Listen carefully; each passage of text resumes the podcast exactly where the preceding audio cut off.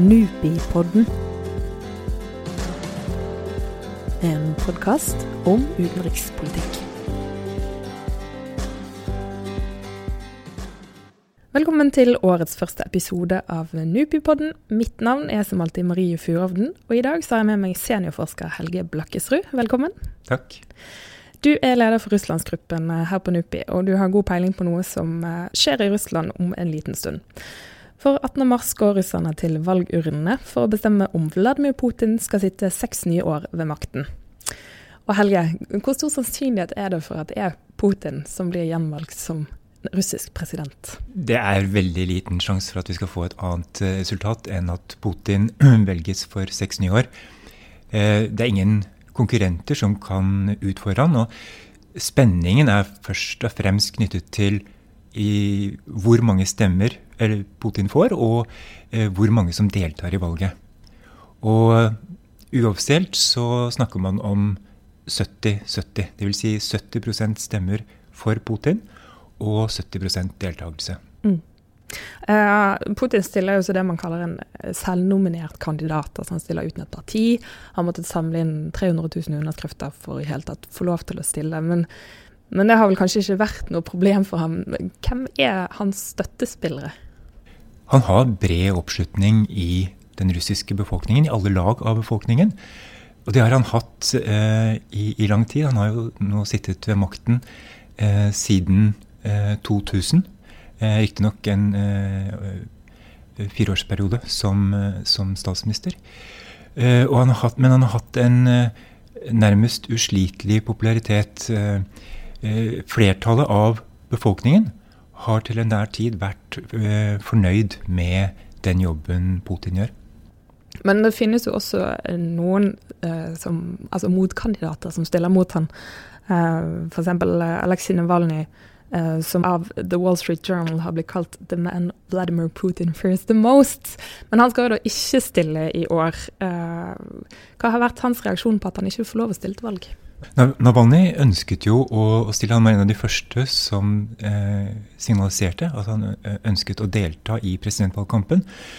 Eh, men han har to eh, dommer hengende over seg som gjør at han i henhold til russisk lov ikke har mulighet til å stille til valg. Mm. Eh, det ble spekulert på forhånd i at eh, Kreml kanskje ville gripe inn og tillate Navalnyj å stille, fordi han ville kunne tilføre eh, valgkampen den temperaturen den nå ellers mangler. Mm. Men eh, det viste seg at eh, Kreml ikke var interessert i å ta, ta den risikoen. Og eh, valgkommisjonen eh, nektet dermed Navalnyj å stille. Og Navalnyjs reaksjon da har vært at eh, man skal boikotte valget. Eh, når han ikke kan stille selv, så eh, vil han delegitimere valget ved å få folk til å sitte hjemme. Mm. Eh, en annen motkandidat som stiller, som har blitt kalt for Russlands svar på Paris Hilton, Ksenia Sobchak, er hun en reell utfordrer? Altså, du har allerede sagt at Putin kommer med all sannsynlighet til å vinne. Men, men, hva betyr det at, at det er en eh, motstemme til Putin som er helt totalt annerledes enn det han er? Hun har ingen sjanse til å vinne. Hun ligger på rundt 1 oppslutning i de siste meningsmålingene. Så hun er ingen reell motkandidat. Men Sobchaks eh, budskap har vært at eh, hun ønsker øh, å målbære et annet budskap og være en motstemme og, og komme med eh, en kritikk eh, av Putin. Bruke valgkampen til å rette søkelys på problemer i russisk politikk og samfunn. Så hun går altså da mot Navalny. Navalny sier 'sitt hjemme', eh, boikott valget. Mm. Eh, Sobchak sier 'delta i valget' for å vise at det finnes et annet Russland. At det finnes andre meninger der ute. Så kan man si at uh, det Sobchak går for en, en stemme på meg, en stemme mot Putin? Ja, eh, det har hun helt klart eh, sagt i valgkampen. Hun har lansert seg som eh, kandidaten mot alle. Tidligere så var det slik i russiske valg at man kunne delta aktivt i, i valget ved å stemme eh, mot alle. Krysse av, for den valgmuligheten. Den finnes ikke lenger i dag, men eh, Sobchak har sagt at hun er eh, kandidaten mot alle. Altså kandidaten for de som er misfornøyd med dagens system. Eh, er det helt risikofritt å være en motstemme til Putin. Altså, eh, Navalnyj har jo en eh, dom på seg, korrupsjonsdom. Eh, og enkelte mener jo at dette er et, slags setup fra myndighetene for å på en måte fjerne han som en trussel. Um, og hvis det er faktisk er tilfellet, så virker jo det som at det ikke er helt risikofritt å skulle stille som en motkandidat mot Putin. På ingen måte. Eh, man kan bli utsatt for ulike former for press. Enten eh, gjennom domstolsapparatet eller på andre måter. Eh, men eh, samtidig så er de som stiller til valg, altså de som har fått eh, godkjentstempelet og er med på, på valgkampen nå, de er på en måte sanksjonert av regimet. Men selv om, eh, som vi tidligere har snakket om, motkandidatene ikke egentlig har noen sjanse til å vinne valget, eller de har ingen sjanse til å vinne valget Eh, Men hvis man ser litt lenger frem i tid, valget i 2024, valget etter der, eh, kan det at stemmer som uh, Navalny, Sobchak og andre som på en måte blir en slags motstemme til Putin. Kan det være med på å riste litt i systemet? Du, du nevnte at han har satt ved makten i 18 år, og sitter ganske trygt. Men uh, er det i ferd med å skje noe? Jeg tror kanskje dette valget vil være et representere et generasjonsskifte. altså at Dette er siste gangen vi ser en del av de gamle traverne i russisk politikk, og at det kommer opp en ny generasjon, representert ved Eh, personer som Sobchak og Navalny. For det er ikke bare Putin som har eh, holdt ut lenge. Flere av motkandidatene er også eh, folk som har vært eh, sentrale i russisk opposisjon siden tidlig på 90-tallet. En av eh, Putins motkandidater, Vladimir Zjirinovskij, stilte som presidentkandidat første gang i 1990. Og har senere deltatt ved eh, alle valg, på ett unntak nær. Eh, Grigorij Javlinskij, en annen motkandidat, eh, var en sentral opposisjonspolitiker eh, på tidlig 90-tall. Eh, kommunistene valgte denne gangen å kjøre frem en annen kandidat, men jeg tror det er en indikasjon på at, at eh, vi får en ny eh, generasjon med politikere ved neste korsvei, altså ved valget i, i 2024. Og etter loven så skal jo også da Putin gå av i 2024, som også vil innebære et generasjonsskifte. Mm. Men nå har vi sett tidligere at Putin har uh, lurt systemet, så å si. Er det, tror du han uh, kommer til å gjøre det igjen? Tror du han har lyst til å sitte mer enn seks år til?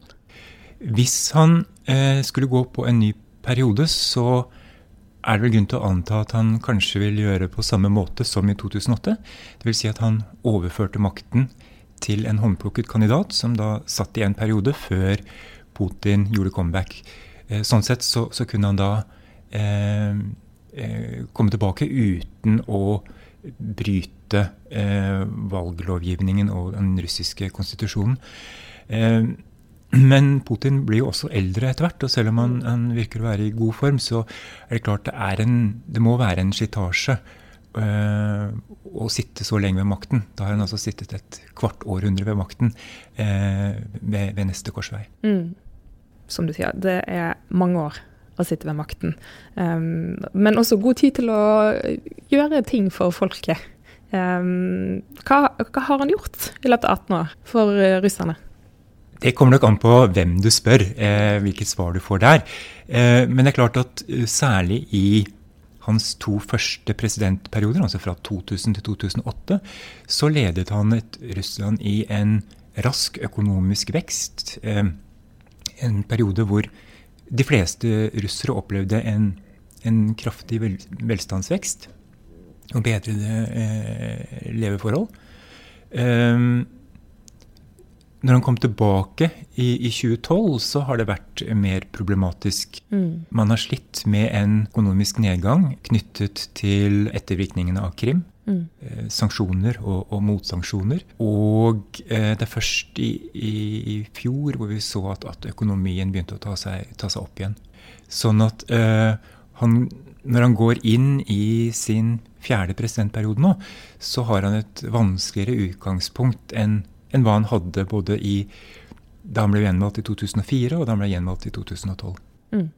Det at han har så bred støtte i folket, og det er jo en hel generasjon som har vokst opp med, som ikke kjenner noe annet enn en Putin som president, eh, gjør det at til tross for at det har vært nedgangsperioder, så har han klart å opprettholde sin popularitet. At han surfet litt på de første periodene som gikk bra, og det var oppgang for Russland. Jeg, jeg tror er to forklaringer der. Eh, for det første så står han litt over politikken. Det, det viser han også nå, når han stiller som, som selvnominert eller uavhengig kandidat istedenfor å støtte seg på sine støttepartier.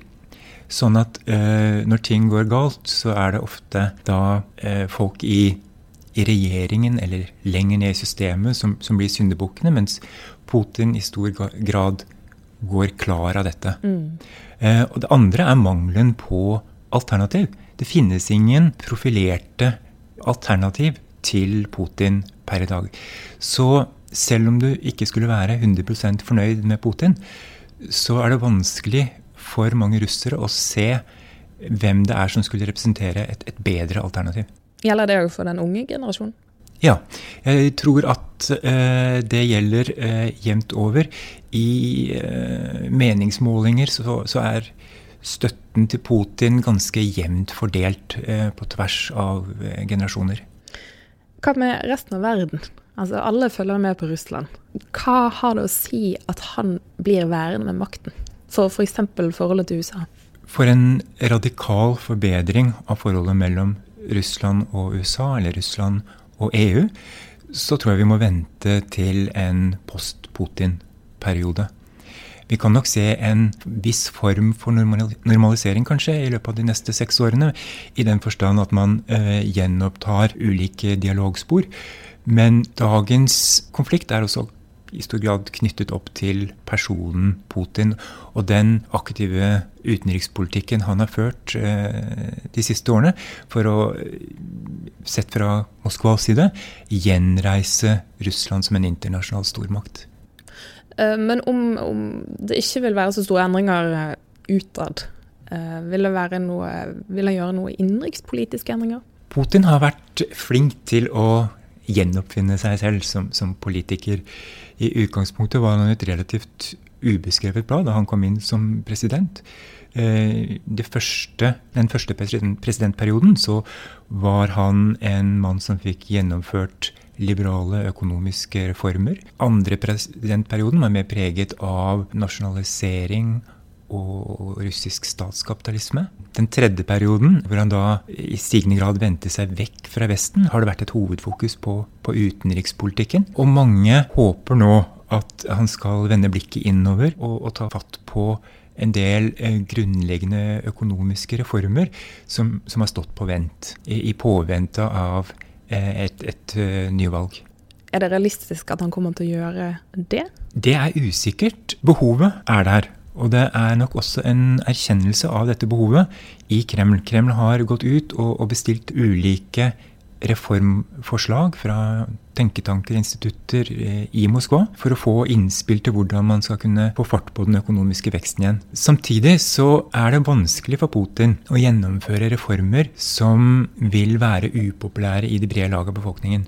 Man kunne kanskje tenke seg at dersom dette er hans siste presidentperiode, så vil han være mindre opptatt av å, å tekkes velgerne og mer opptatt av å eh, sikre sitt ettermæle som en president som fikk fart på økonomien, eh, gjenreiste Russland som en stormakt. Men det er ikke slik det fungerer i dagens russiske regime. For at eh, Putin skal kunne trygge arven eh, ved en maktoverføring til, til en ny president, så er han avhengig av sin personlige popularitet, at den kan overføres til en etterfølger.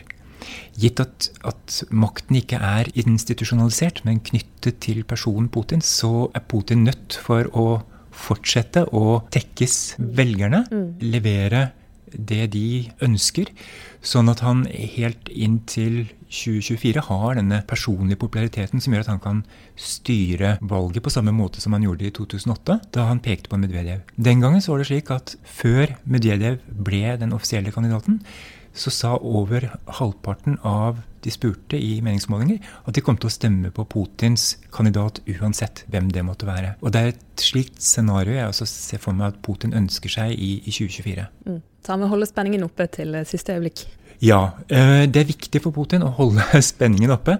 Også fordi systemet er så personbasert. Mm. Hvis han allerede nå skulle peke på en, en kronprins, så ville hans mulighet til å, å, balansere russisk politikk blir forspilt. Så Putin må, må, holde spenningen oppe. Han må holde kortene tett til brystet for å kunne videreføre systemet på den måten som det fungerer i dag. Og først da, helt på tampen av 2023, begynne å, å kaste kortene, vise hva som skal skje, hvem det er han vil peke på. Mm. Så eh, når det kommer til valget i 2024, så må vi bare vente til siste øyeblikk og se. Men at det er Putin som blir Russlands neste president, det er det ingen tvil om. Det er det ingen tvil om. Eh, og at han kommer til å sitte frem til 2024, så sant eh, helsen holder, det, det er eh, helt sikkert, eh, selv om vi fortsatt har noen dager igjen til eh, selve valget. Det får bli siste ordet i dag. Takk for praten, Helge. Vi skal ha et arrangement på NUPI 19.3, eh, der vi ser på resultatet fra valget og skal snakke litt mer om eh, de temaene vi har vært innom i dag, bl.a. Så kom gjerne dit. Husk å abonnere på NUPI podkast i din foretrukne podkast-app, så høres vi også neste gang.